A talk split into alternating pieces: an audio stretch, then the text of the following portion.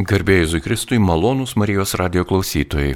Kviečiame pasiklausyti laidą, kurioje jums pasakos apie Vilniaus arkikatedrą baziliką Šventojo vyskupo Stanislavo ir Šventojo Vladislavo vardu tituluota. Ir šiandien laidoje dalyvauja šios katedros vadovas, klebonas, dekanas Virginijus Česnulevičius ir arkikatedros referentė Linita Žebrauskinė. Ir kalbame apie ypatingą iškilmę, kuri nėra lyg ir tituliniai kokie atlaidai ar panašiai, bet lietuvių tautai šis faktas susijęs, istorinis faktas susijęs su Vilniaus arkikatedra bazilika yra ypatingai svarbus. Taigi sveikinuosi su gerbiamu kunigu Virginijumi ir Linita garbė Jėzui Kristui. Per amžius amen. Labai dėkoju, kad atvykote į mažąją Marijos radijos studiją Vilniuje prie aušos vartų ir pasakojant apie arkikatedrą, nuo ko reikėtų pradėti. Sveiki visi Marijos radio klausytojai, visi, kurie, kuriuos pasieks ši laida. Pirmiausia, tai labai kviečiu pradėti nuo maldos. Čia esam prie aušros vartų gailestingo motinos artumoje, bet arkikatedroje mes taip pat turime sapiegų Dievo motiną, kuri, kurią praėjusiais metais paminėdami 270 metų karūnavimo jubiliejų sukakti irgi šventėme ir buvo atkurtos sugražintos karūnos. Vardan Dievo tėvo ir sūnaus ir šventosios dvasios. Amen. Malda prie sapiegų Madonos paveikslo. Angelų karalienė, dangiškasis perlė. Tavo sūnus išklauso mūsų maldavimus, praėjusius per tavo rankas. Jis tikrai tave gerbė. Saugok šį miestą ir jo gyventojus. Netmesk jų prašymų, kai jie kreipėsi į tave. Juk į tave lyg į motiną kyla mūsų akys, nusidėjėlių gynėja, tavo užtarimu te dovanoja mums viešpats savo malonę ir te atleidžia mūsų kaltes. Gailestingumo motina, Lietuvos globėja, netmesk mūsų maldų, kai šaukėmės tavo apgynimo. Geriau už mus žinai, ko mums reikia. Todėl saugok mus nuo visokių nelaimių užtark visus žmonės ir suvienyk juos su savo sūnumi. Amen. Tai ši malda turbūt, kiek išgirdot, kiek jungėte iš tos maldos žodžiuose, jau labai aktuali yra Vilniaus miestai. Sako mal, žodžiuose saugok šį miestą ir jo gyventojus. Atraskite tikrai, mielas Vilnietė, atrask šį sapiegų Madonos paveikslą. Daugelis tikrai ateina ir meldžiasi ir Jie pirmiausia, žinoma, kiekvienam iš mūsų yra užtarėja, ji ir veda mus prie Jėzaus. O grįžtant tikrai šiandien yra švenčiame katedros atšventinimo sukakti. Jeigu pakiltume iš paukščio skrydžio virš senamieščio, pažvelgtume į Vilnių, tai be abejo mūsų žvilgsnis nukryptų į senojo miesto centrą, kur amžiai savo didybę ir šviesą spindi į Vilniaus arkikatedrą baziliką šalia Varpinė. Tiesa, istoriškai Varpinė iki XVI amžiaus buvo gynybinis bokštas. Tai pirmasis ir pagrindinis katalikybės ir dvasingumo žydinys Lietuvoje. Tai iškiliausių šalies istorinių asmenybių - vyskupų, kunigaikščių, didikų paskutinė polisio vieta. Bet nereikia ir pakilti, jeigu eitume tikrai žemė, žemelė, Vilniaus žemelė, o kaip popiežius Pranciškus sako, kad ši žemė visata tai yra mums kaip mama, kuri mus kiekvieną priglaudžia.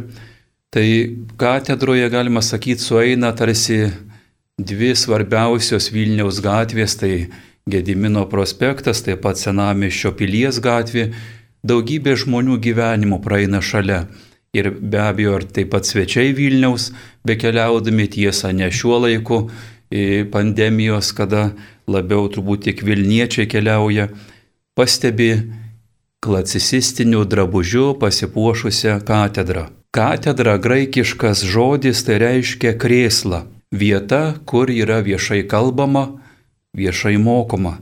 Ir tai yra vyskupo bažnyčia. Tai sakyčiau, reiškia irgi, kad pirmiausia, irgi čia Vilniaus arkikatedra, kiekviena katedra, tai yra vyskupo bažnyčia. Ir joje renkasi tikintieji su bažnyčios vadovu švęsti Kristaus mirties ir prisikėlimo ir klausytis Dievo žodžio. Katedra yra centrinė vyskupijos bažnyčia, arkivyskupijos bažnyčių širdis arba kaip buvo pasakyta per atšventinimo iškilmę Vyskupas Julijonas Steponavičius kalbėjo, kad yra katedra Lietuvos bažnyčių motina. Tai yra kaip gyvybė, kaip širdis, kuri plaka, iš kurios ta gyvybė Dievo žodžio, gyvenimo Dievuje, Evangelijos sklinda per kitas viskupijos bažnyčias ir pasiekia tikinčiuosius. Ištvėrus, ištvėrusi karus, negandas, gamtos stichijų šėlsmus, grobimų grobimus, plėšikavimus, sovietinių veikėjų niekinimus. Ji iki šių dienų, galima sakyti, irgi yra aktuali, jog visos bažnytinės, valstybinės šventės, jos visos vyksta ir katedroje. Ir laimina ji iš tiesų valstybės vadovus, kurie pradeda savo veiklą kurie pradeda tarnauti žmonėms, laimina visus irgi ganytojus, čia yra pradeda, pradeda savo tarnystę kunigai pašventinami, čia yra šventinami aliejai, tai yra, vad kaip yra tikrai, tikroji ta Lietuvos, Lietuvos širdis. Ir jeigu prisartintume prie katedros, tai mes pačiame fasade matome ant pačios katedros į tris į iškilusias figūras. Tai šventoji Elena su kryžiumi, šventasis Stanislavas ir šventasis Kazimieras. Žinau, kai kai kurie žmonės keliaudami ypatingai savo žvilgsnį kelia į katedros, į aukštumas, kviečiu irgi valinitą pasidalinti savo, savo išvalgom. Gerbėjai Jėzų Kristai. Ramžis. Į katedrą jau keliauju gal 11 ar 12 metus. Ir mano maršrutas dažniausiai yra per Gedimino prospektą ir sustoju ties šviesoforu visai prieš katedrą. Ir kažkada gimė tokia mintis, kad štai tos trys gražios uh, gražios figūros iš tikrųjų saugo tą mūsų baltąją gulbę ir aš visada keliu jas į jas akis ir sakau, šventoji Elena, šventas Stanislavai, šventas Kazimierai, mel, melskitės, kelkite maldas viešpačiui už šitą nuostabę, nuostabę katedrą, už čia tarnaujančius vyskupus, kunigus, visada prisimenu čia dirbančius žmonės, tarnaujančius, e, patarnautojus ir besirenkančius e, melstis, taip pat už aktyvėje bendruomenę, tai man toksai būna visą laiką kaip, kaip pašventinimas tam tikrų žmonių, tiesiog atidavimas į rankas tiem trim šventiesiam, kurie vat, taip stovi, buvo aišku nukelti kažkada, bet vėl atsistojo ir tikrai mano, mano atrodo, kad jie saugo tą, tą nuostabų pastatą ir ten ateinančius ir besimeldžiančius žmonės. Keliaudama turbūt jau labai iš tolo matot pačią katedrą, nuo kurio maždaug kiek ten būna lygiai iki katedros. Nuo pusė Gedimino prospekto jau ten daugiau mažiau matosi iš tikrųjų tie, tie bet aš atsimenu, kaip vat, pavasarį iš tikrųjų toks buvo patyrimas, kai jau po karantino, kai leido išeiti iš namų, kai aš atėjau atėjau prie katedros ir atsistojau prie to šviesoforo, tai man toks jausmas buvo, kad grįžau kažkur tai vat namo pas savo artimus ir, ir tikrųjų net ašara nuridėjo, kai vėl galėjau sakyti šventoje Lena, šventas Stanislavai, šventas Kazimierai, melskitės, melskitės ir už, už, šitą nuostabų, už šitą nuostabų pastatą, už čia tarnaujančius žmonės ir tarnaujančius kunigus. Iš tiesų gražu, gal taip į, į iš to lietuvų žiūrint atrodo nedidukė, paskui artėjant didėja, didėja, tai taip mūsų įvaizdis, atrasti katedrą, artintis prie jos ne tik fizinė prasme, bet turbūt dar labiau kita dvasinė prasme, o tikrai, kai mes prisartinam prie katedros, kai įžengiam į katedrą, tai mes prisartinam ir prisiliečiam prie mūsų tautos istorijos, prie tikėjimo istorijos, prie bažnyčios Lietuvoje irgi istorijos. jog irgi krikštijant Lietuvą 1387 metais buvo pradėta statyti katedra, kuri dedikuota šventajam vyskupui Stanislavui ir šventajam Vladislavui ne iš vieno žmogaus, iš tikinčiojo lankytojo, maldininko sulaukio, kodėlgi ne švento Kazimiero vardu katedra pavadinta, juk taip aktualu būtų, kai čia yra šventasis Kazimieras, bet tikrai mes galim pasakyti, kad katedros pradžia, pirmoji bažnyčia, taip datuojama nuo krikščionybės pradžios, o šventasis Kazimieras jau gyveno 15 amžiuje Tai yra 1458 gimė, taigi jau visiškai vėliau atsirado ir pamaldumas, ir šventojo Kazimiero kultas. Ir žvelgdami į katedrą mes tikrai istoriją galim pasakyti, kad keitėsi jos stiliai, buvo gotikinė pradžioje, renesansinė, barokinė, dabar štai matom keliaudami tai klasicistinę katedrą. Ir ne todėl tie stiliai tokie keitėsi, kad Lietuva buvo turtinga arba derinosi prie to meto įvairių architektūros stilių, norėjo žengti koja kojon su visų pasauliu, bet todėl, kad e, katedra buvo pastatyta Šventaragio slėnyje, tai graži labai vieta, bet kita vertus tai šalia Neris, Vilnelės upelė, pavasarį ir rudenį, tai dažniausiai du kartus per metus vis įniokodavo potviniai, istoriškai tai buvo gaisrų, buvo įvairių sukrėtimų ir, ir katedra vis nukentėdavo, reikėdavo ją remontuoti, atstatyti, netgi ir, kaip manoma, kaip pirmoji katedra buvo pastatyta 1399 metais, jie gaisro buvo sniokota ir Vytautas didysis ėmėsi atstatymo katedros ir jo katedra buvo didesnė gotikinį ir atstatymas truko apie 30 metų. Dabartinė katedra, kurią matome, tai yra 18 amžiaus pabaigoje, 19 amžiaus pradžioje, Laurinas Gucevičius ėmėsi rekonstrukcijos ir ją tokią išgražino. Tai iš tiesų, jeigu įžengiam į katedrą, yra rūsiai, kurie iš tiesų, kurie galima sakyti pilni tokios istorijos, Vėlgi, ta prisimenant 1930 metus, apie tuos metus vyko toks didelis potvinis ir nuotraukos istoriją galim pamatyti, kad katedros aikštė tai buvo tarsi Venecijos aikštė apsemta ir po to buvo sušauktas gelbėjimo komitetas, kuris ieškojo būdų, kaip išsaugoti katedrą tuo metu. Tas darbas to komiteto, komiteto buvo vainikuotas didelė sėkme, kai Rūsiuose kriptelėje buvo atrasti karaliaus Aleksandro Jogailaičio, karalienės Elsbietos Habsburgaitės ir karalienės Barboros Radvilaitės palaikai. Dar kitoje vietoje buvo rasta Vladislavo vazo širdis. Tai šie ir ilsisi kriptoje po Kazimiero koplyčią.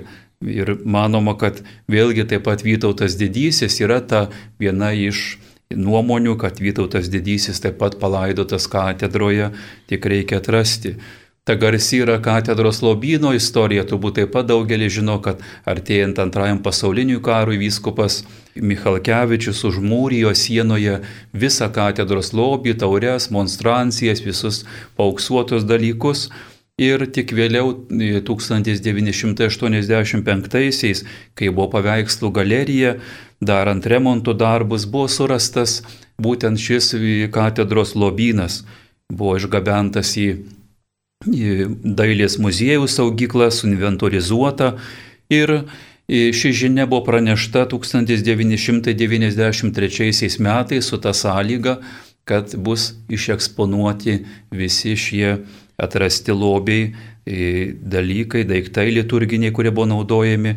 Ir taip ir buvo padaryta, taip atsirado bažnytinio paveldo muziejus, kuriame galima apsilankyti ir pamatyti visą katedros lobyną. Jeigu irgi žvelgtume tą istoriją, tai daugelis esam irgi patyrę, matėm, kad 1949-aisiais katedra buvo uždaryta, Buvo bandoma įkurti traktorių dirbtuves. Gerai, kad kažkas išdryso gal ar pasipriešinti, ar pabijojo tautos ir tada nuspręsta įrengti paveikslų galeriją.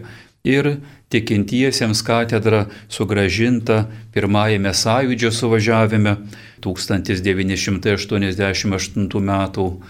spalio mėnesį ir jau 1989 vasario 5 dieną buvo katedros atšventinimo iškilmė. Taigi šiais metais mes minime 31 metus, kai katedra vėl sugrįžta tikintiesiems bažnyčiai, kai katedroje vėl švenčiama liturgija, švenčiamas Dievo žodis. Ir iš tiesų tas laikas 1988-ieji, tai irgi galbūt taip sakykime, buvo tas perversmas, atsinaujinimas, atgimimas Lietuvoje.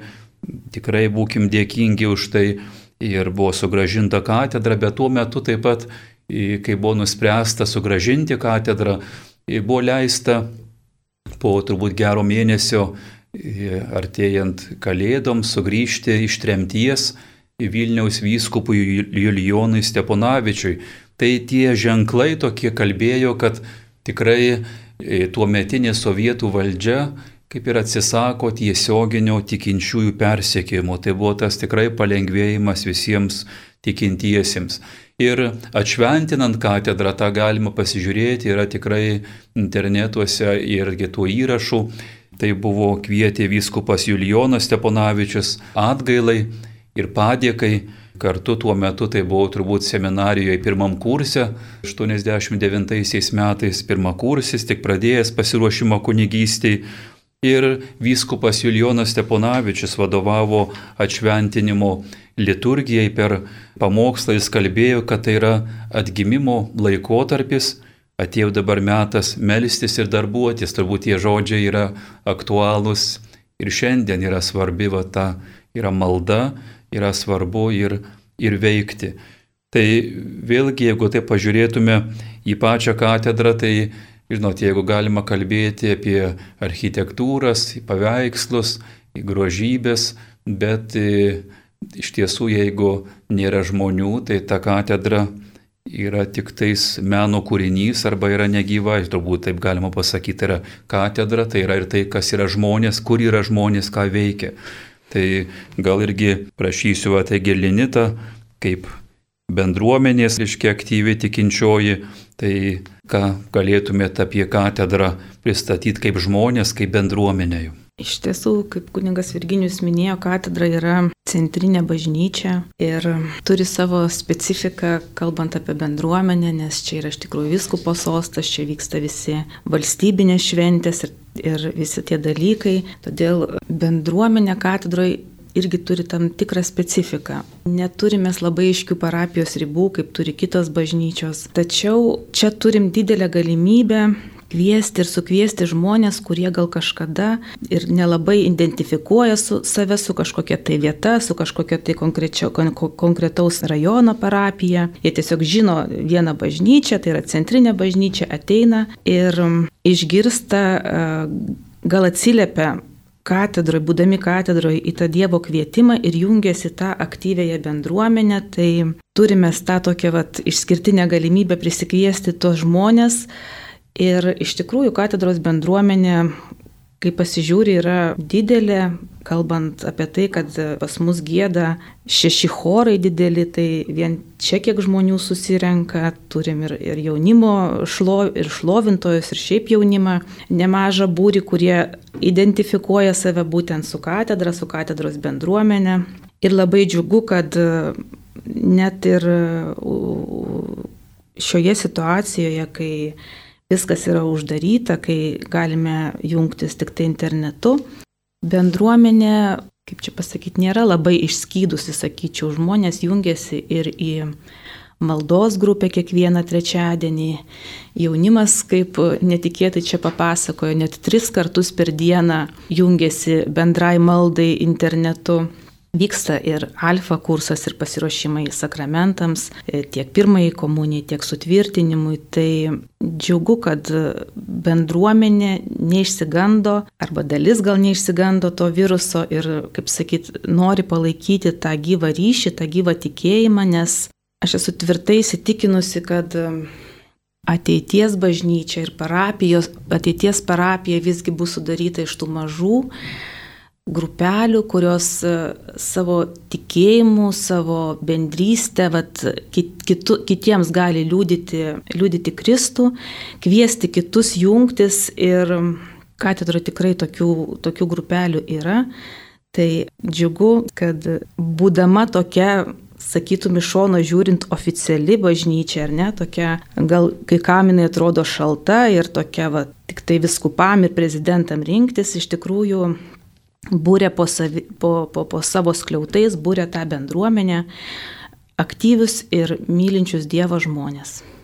Tai čia atrodo pagavot šventojo Jono Pauliaus antrojo dvasę, kuris sakė, kad žengiant į trečią tūkstantmetį, kad bažnyčia bus gyva tiek, kiek bus gyvos mažos bendruomenėlės, mažos grupelės. Iš tiesų tai pagelbsti be abejo, tas gal jeigu taip toks nuokrypis į bažnyčių bendruomenių gyvenimą, tai mieste, kai yra daug žmonių, tas susvetimėjimas, skubėjimas, bėgimas, jis tokia atitolina kažkiek ir ir visiškai priešingai provincijoje, kur žmonės pažįsta, kuo žmogus gyvena, ką jis išgyvena, kokie sunkumai, tai ta maža grupelė yra ta galimybė žmogui ir atsiverti, jis pajausti, kad jis yra priimtas, gauti tą padrasinimą ir, ir jaustis tikrai bažnyčios nariu.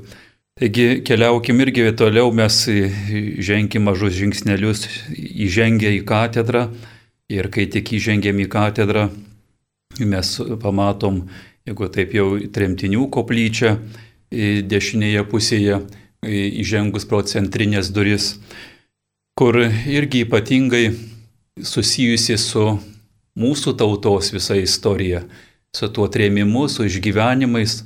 Čia atkeliavusi ir netaip seniai keletą metų atsiradusi švent Sibiro Madona, Tai yra tokia ta istorija Korbiko, dar kitaip vadinama Korbiko Madona, Korbiko kaimelyje Krasnojarsko rajone krašte, kur buvo ištremti lietuviai 1950 berots metais, buvo išdrošta švenčiausia mergelė Marija, kaip maloningoji mergelė tuo pavyzdžiu ir pat ta skulptūra ji buvo pastatyta kapinėse ir lietuviai rinkdavosi melstis kartu gėdoti, melstis, tai buvo ir vilties, buvo vienybės ir tokio tikėjimo jam ženklas.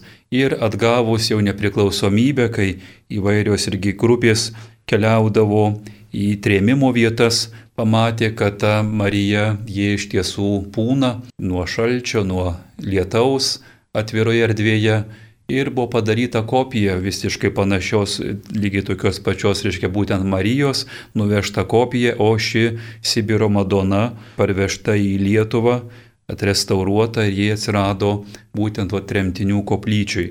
Tremtinių koplyčiui galima taip surasti ir Dievo tarno Mečislavo Reinio atminimo lentą, Tai taip pat buvo persekiojamas dėl tikėjimo ir mirė, buvo nukankintas Vladimiro kalėjime Rusijoje, tai iš ten parvežta žemių, nežinoma tiksliai, kur jis palaidotas, bet parvežta žemių ir kapsulė su žemėmis yra su smėliu yra būtent sienoje.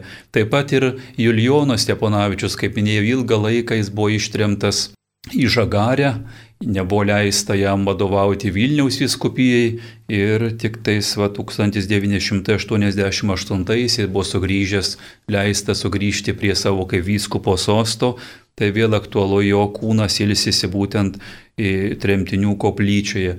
Jeigu keliausim toliau, būtent yra sapiegų Madona, ta malda, kurią mes pradėjom, Ir tai pirmiausia, žvelgiant ir, ir galvojant, kalbant apie sapiegų Madoną, yra didelis, didelis dėkingumas visiems aukotojams ir visiems žmonėms, kurie prisidėjo prie sapiegos Madonos karūnavimo. Tai ta mintis buvo, tai juk irgi praėjusiais metais, kai paminėjome 270 metų karūnavimo iškilmę. Tai yra antroji Marija kuri karūnuota, pirmoji trako Dievo motina, popiežiaus atsistomis karūnomis, antroji yra būtent sapiegų Madona arba dar vadinama vaizduojama švenčiausioji mergelė Marija, garbinama šventojo Pranciškaus Asižiečio ir Bernardino Sieniečio. Tai šis paveikslas atsirado 15 amžiaus pabaigoje, 16 amžiaus pradžioje. Iš pradžių jis priklausė Vilniaus Bernardinų bažnyčiai, LDK kancleriui ir didžiajam Metmonui Leonui Sapiegai pastačius Vilniaus Švento Arkangelo bažnyčią ir Bernardinų Klarisių vienuolyną kaip šeimos mauzoliejų.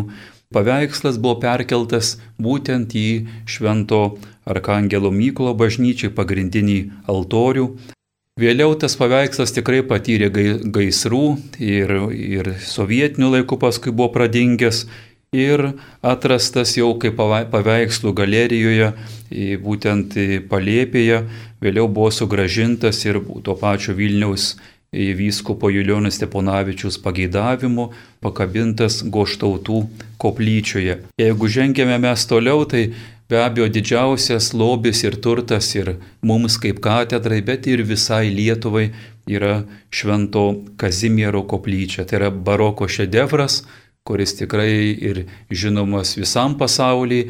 Ir daugelis tikrai, kai piligrimų, turistų keliauja, tai pirmiausia taip ateina katedrui, ateina į Švento Kazimiero koplyčią, bet mums, kaip tikintiesiems, tai pirmiausia, kad mes turim šventai. Vienintelis Lietuvo šventasis jaunimo globėjas, Lietuvos globėjas irgi tai kaip tas pavyzdys vėlgi šventasis, šventieji yra ne tam, kad mes juos tik žiūrėtume, bet kad jais sektume. Ir mes jeigu žvelgiame į, į Švento Kazimiero koplyčią, pirmiausiai žengia iš karto matome priekyje angelai, švenčiausi mergelė Marija besišypsanti tokios besišypsančios niekur nemačiau, taigi galit visada prisartinti prie jos, kai apima liūdėsys, kai nežinia, kai reikia pagalbos ir Švento Kazimiero sarkofagas atrodo, kad jie sutinka su džiaugsmu būtent Šventąjį Kazimierą.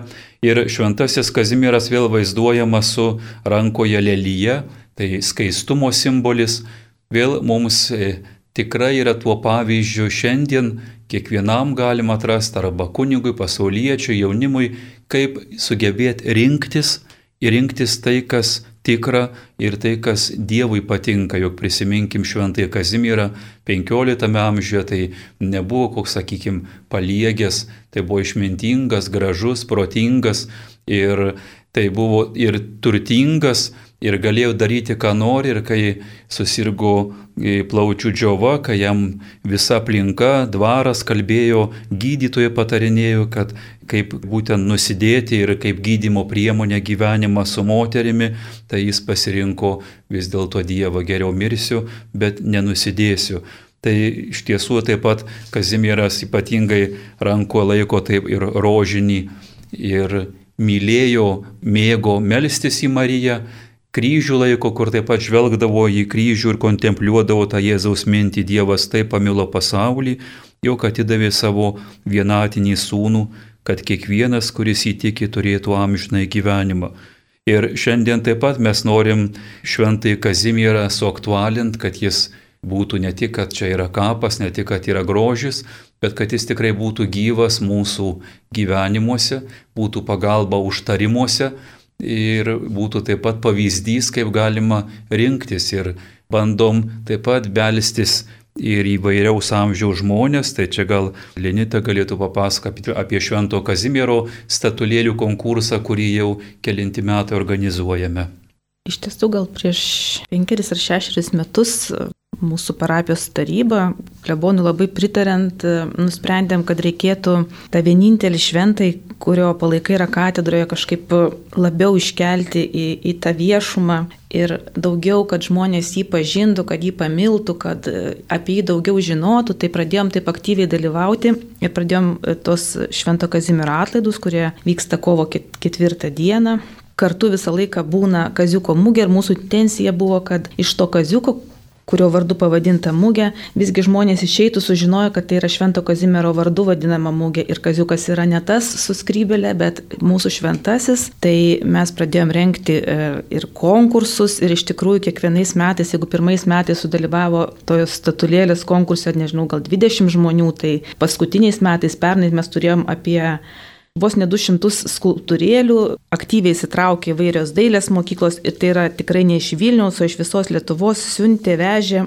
Kazimerus, mes juos išeksponuodavom, o mūgės metu žmonės bandydavom, e, turėjom turim palapinę, žmonės bandom kviesti, aiškinti, pasakoti apie Kazimierą, dalyvauti visokiose loterijose, viktorinuose, kad kuo daugiau sužinotų apie tą šventąjį. Ir visą laiką nukreipiam, sakom, nepraeikit pro katedrą, užeikit, užeikit į Švento Kazimiero koplyčią, ar jūs esate svečias, ar jūs esate Vilnietis. Tai yra vienintelis mūsų šventasis ir Ir iš tikrųjų tas ta, toksai sugyvinimas e, ir, ir e, to mūsų šventojo tokio į viešumą labiau iškelimas vyksta kasmet ir, ir, ir tikrai įsijungia ir jaunimas, ir, ir vyresni žmonės, ir dalyvauja ir konkursuose, ir toj palapinė, ir savanoriauja, kai mes jau stovim ten per kaziuko mūgę. Tai padarom, žinoma, daug mišių ir šlovinimo vakarus, ir, ir per naktį jaunimas meldžiasi prie Švento Kazimiero, tai Neaišku, kaip bus šiemet, bet tikiuosi, kad ta va, tokia graži tradicija to, tų atlaidų, tokių gyvų atlaidų ateityje taip pat išliks ir, ir dar, kaip sakyt, daugiau darysim ir daugiau plėsim tą žinią apie Šventą Kazimierą. Tikrai, jeigu mes keliaujam toliau per katedrą, yra prieš porą metų atsidariusi Šventųjų Petro koplyčia, kurioje yra palaimintų irgi Matulaičio ir palaimintų Teofiliaus Matulionio relikvijos. Ir tai irgi jie yra mūsų šventieji, ypač palaimintasis Jurgis, kuris 1919-1925 metais buvo Vilniaus vyskupas ir keičiantis įvairiom valdžiom, jis sugebėjo irgi vadovauti bažnyčiai, tikrai nuostabus yra užrašai, kur galima jo pasidomėti. Ir kai žvelgiame į tokią istoriją, kai žvelgiau į vat, įrašą kaip yra katedra buvo šventinta, pilna katedra buvo sausakimša, visa katedros aikštė pilna. Žinoma, šiandien mes turim išgyvenam tą pandemijos laiką, kai turim išlaukti kantriai būtent savo namuose. Ta situacija gal per tuos 31 metus irgi kažkiek pasikeitė, bet mes matom, kad vis tiek yra kaip bažnyčios mūsų tikslas išlieka nepakitęs, tai yra skelbti Kristų, kad žmonės susitiktų asmeniškai Kristų būtent ten, kur yra. Tai tą labai svarbu vis ne pasilikti prie tradicijos, įpročių, bet atrasti gyvą santykį labai yra gera proga, net ir nuotoliniu būdu jungtis, išmokti melstis lekcijo divina su Dievo žodžiu, bet tą galim pabandyti net ir namuose, juk mes susitinkam skaitydami Dievo žodį su gyvuoju Jėzumi, su gyvuoju Dievu, tai yra mūsų tikėjimo esmė. Tie, kurie ateina žmonės į katedrą, tai žinoma mūsų troškimas ugdyti kaip bendruomenę, kad jie tikrai jaustų ne tik, kad atėjau pasimeldžiau ir einu savo keliais, bet jaustų tą tokią atsakomybę, kad aš esu katedros dalis, kad aš melžiuosi, aš veikiu, aš tarnauju, aš paliūdiju savo tikėjimą irgi ir kitiems. Ir turim prisitaikyti prie realybės tokia, kokia jinai yra. Šiandien turbūt mes daugiau irgi nuotoliniu būdu melžiamės arba pavieniui ateina žmonės ar pokalbį iš pažinties ar sustikimams. Ir tą galim pasakyti ir pakvies, kad mūsų arkikatedros puslapyje katedra.lt yra tikrai visa informacija apie Švento Kazimiero statulėlės konkursą, kur dar galite įsijungti irgi suspėti Taip pat yra tik atsidarius labai paprasta patį katedros puslapį, raudonas toks ženkliukas, kur paspaudus pamatyti YouTube kanaliu, kanalu transliuojama šventasias mišes kiekvieną vakarą 17.30, o sekmadieniais 12 val. 30 min. transliuojame. Mažieji Švento Kazimiero atlaidai, taip galima sakyti, Kazimiero garbiai, kiekvieno mėnesio ketvirtą dieną paprastai melžiamės 12 val. 30 min. gal išimti padarysime šį mėnesį, būtent vasario, kad tai vakare melsime 17 val. 30 min. ir po to bus švenčiausių sakramento adoracija bei garbinimo valanda, taip pat ir per Marijos radiją. Vėlgi galvojame apie Švento Kazimiero savaitę, tai yra kovo 1-7 dienomis, tai tikrai tą dvasę jau ruošiamės ir visą kaip, kad išgyventi tą, kad šventas Kazimieras tikrai, kai jis garbinamas ir lietuvių, bet ir baltarusių, ukrainiečių, lenkų, kitų, kitomis kalbomis, tokiais būdais irgi bandome už, užkalbinti, prakalbinti tuos žmonės. Labai greitai irgi bus ruošiamasi katedrai dar naujovių, naujų dalykų, tai Vilniaus arkiviskupijos dėka ir bažnytinio paveldo dėka atsidarys planuojama šventojo vyskupo Stanislovo koplyčia su šventojo relikvija. Taip pat planuoja atsidaryti gailestingumo koplyčią, tai, kur bus išeksponuota taip pat gailestingumo paveikslas su gailestingųjų šventųjų relikvijomis. Taip pat jį irgi turi nuo drobulės koplyčią. Tiesiog yra dar tų naujienų link to judame.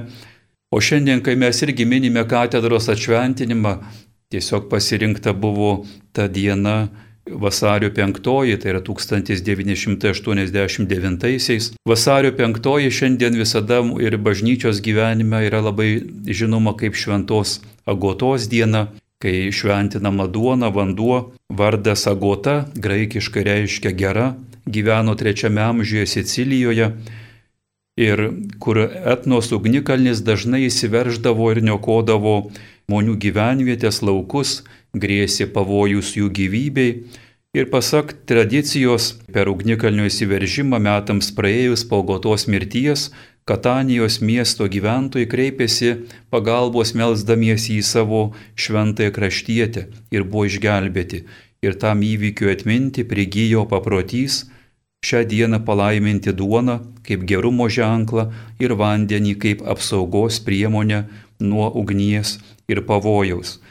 Ir labai graži yra ta pašventinimo malda, dabar irgi viskupų konferencija praėjusiais metais išleido naują pataisytą palaiminimų maldyną, kuris tikrai parodo ir kalba apie esmę.